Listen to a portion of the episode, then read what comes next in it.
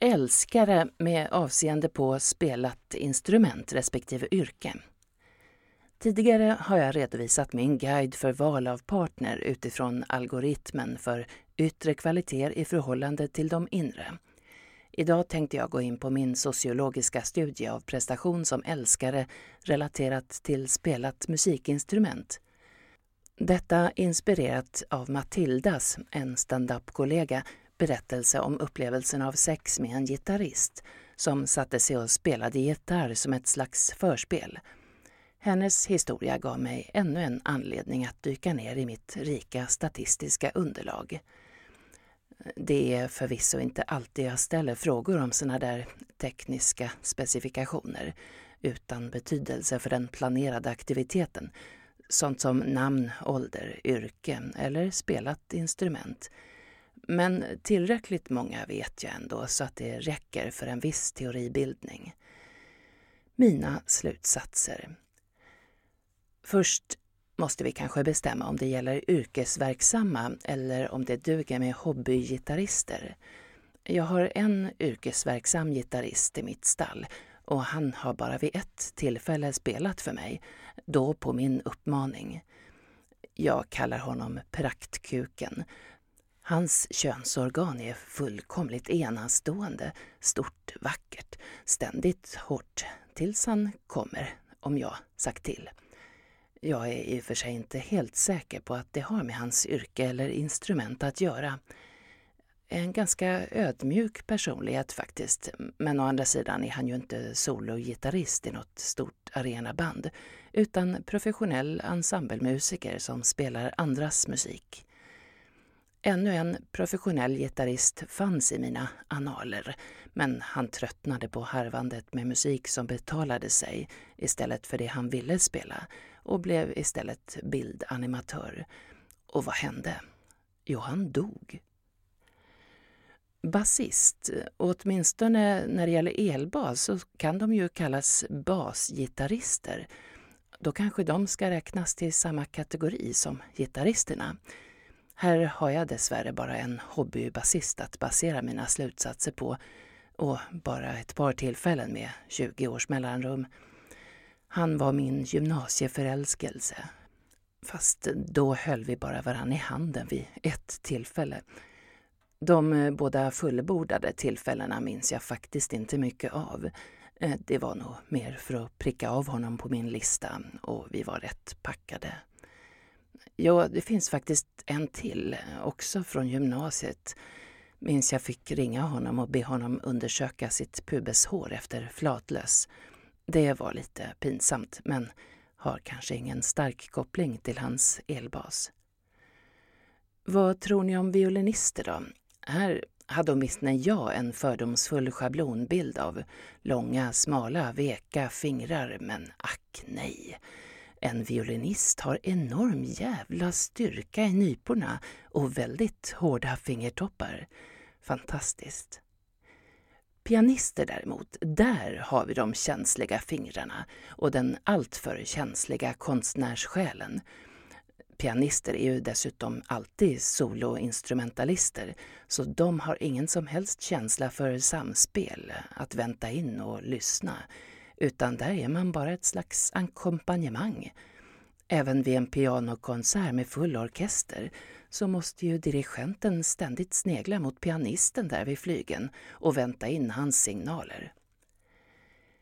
En kategori som jag är nyfiken på och som borde kunna göra bra ifrån sig är trummisar. Rytmen är ju essentiell. Men jag kan bara komma på en sådan, en pukist. Det var bara en gång och gjorde inget djupare intryck. Detta får mig att inse att älskaregenskaperna troligen snarare hänger samman med om han är ensemblemusiker eller solist. Och ifall det är det förstnämnda, om han är frontfigur eller ackompanjatör. Sångare, ja det beror väl även här på vilket sammanhang. I en operakör så är man lyhörd, ödmjuk, trygg men även van att ta rejäl ton. I ett rockband, relativt narcissistisk med tämligen uppblåst och därmed ömtålig självbild.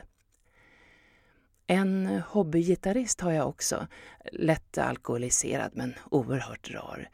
Hans yrke är dock svetsare.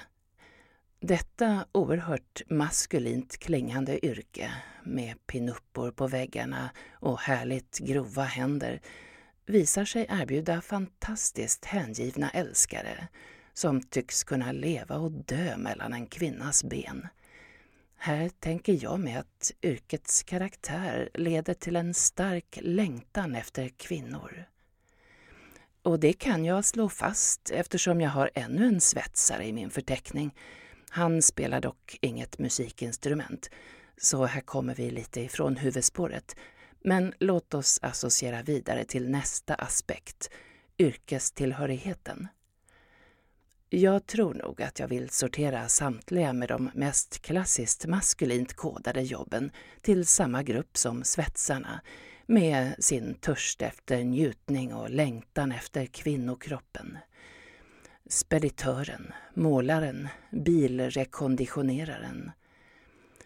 Sen har vi då ingenjörer, Volvoarbetare, ledarskapsutvecklare, IT-utvecklare Ja, tyvärr har dessa inte lämnat några minnesvärda intryck. En medicinsk forskare var riktigt het, men det kan ju möjligen bero på hans jujutsu. Busschaufför? Ja, åh, anspråkslös, generös, ödmjuk. Börsmäklare? Ah, jag minns mest att jag var så nervös över att jag skulle råka solka ner hans bländvita skjorta. Uniformsyrkena är ju förrädiska. Jag måste lite skamset erkänna att det är förbannat sexigt, fast det bär mig emot. Jag hade en reservofficer som KK ett tag för många år sedan. Och jag skäms fortfarande över att jag sydde i en uniformsknapp åt honom en morgon. Sen blev han tydligen polis. Ja, en annan polis har jag också träffat. Åtminstone presenterade han sig så i sin profil. Men han visade sig vara en lönnfet, bleksiktig skrivbordspolis. En patrullerande uniformerad polis däremot är ju en vandrande fetischsamling med sin batong, pistol och handklovar. En pilot har jag också varit med, fast han var ju ledig och hade tyvärr inte uniformen på.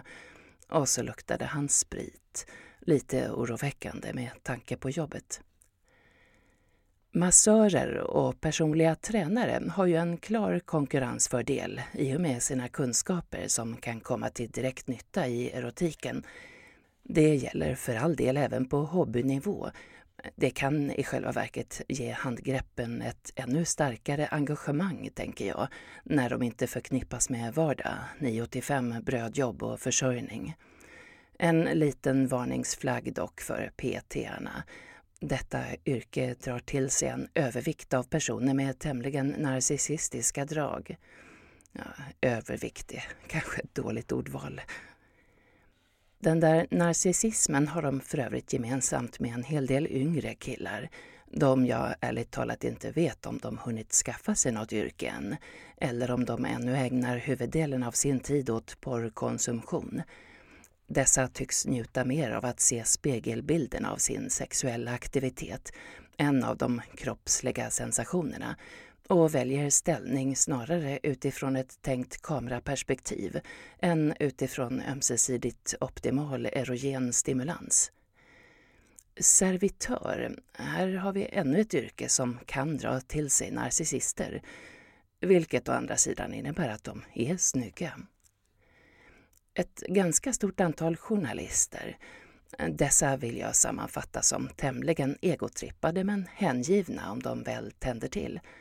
Jag tycker det verkar som om journalister är överrepresenterade bland de snubbar jag har fastnat för på dejtingsidor.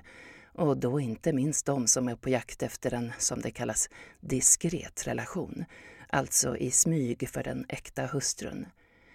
Några har jag ju förvisso också träffat IRL, från början under mina egna år i yrket. Jag tänker att det kan hänga samman med journalistyrkets själva kärna, nyhetsjakten. Även den som inte är nyhetsjournalist jagar ju nya detaljer, nya vinklar, nya intervjupersoner, nya sätt att berätta om en om något gammalt.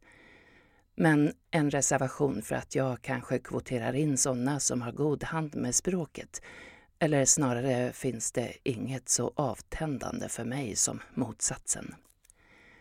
Livvakt. Jo, det var rätt spännande faktiskt, där i lyxsviten och i rummet med monitorer för alla övervakningskameror. Men jävligt irriterande med återbud i sista stund eftersom han hade ju jour och plötsligt måste resa med sin impulsiva uppdragsgivare till något hastigt uppgjort affärsmöte i London eller vad det var. Och det för oss in på den sista kategorin som verkligen behöver lyftas fram. Alla arbetslösa, arbetsskygga, sjukpensionärerna.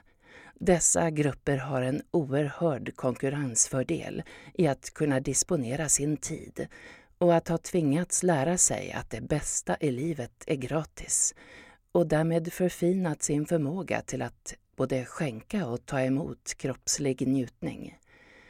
Eventuella problem med potensen till följd av vissa mediciner går alltid att råda bot på med hjälp av andra mediciner. Tack för mig.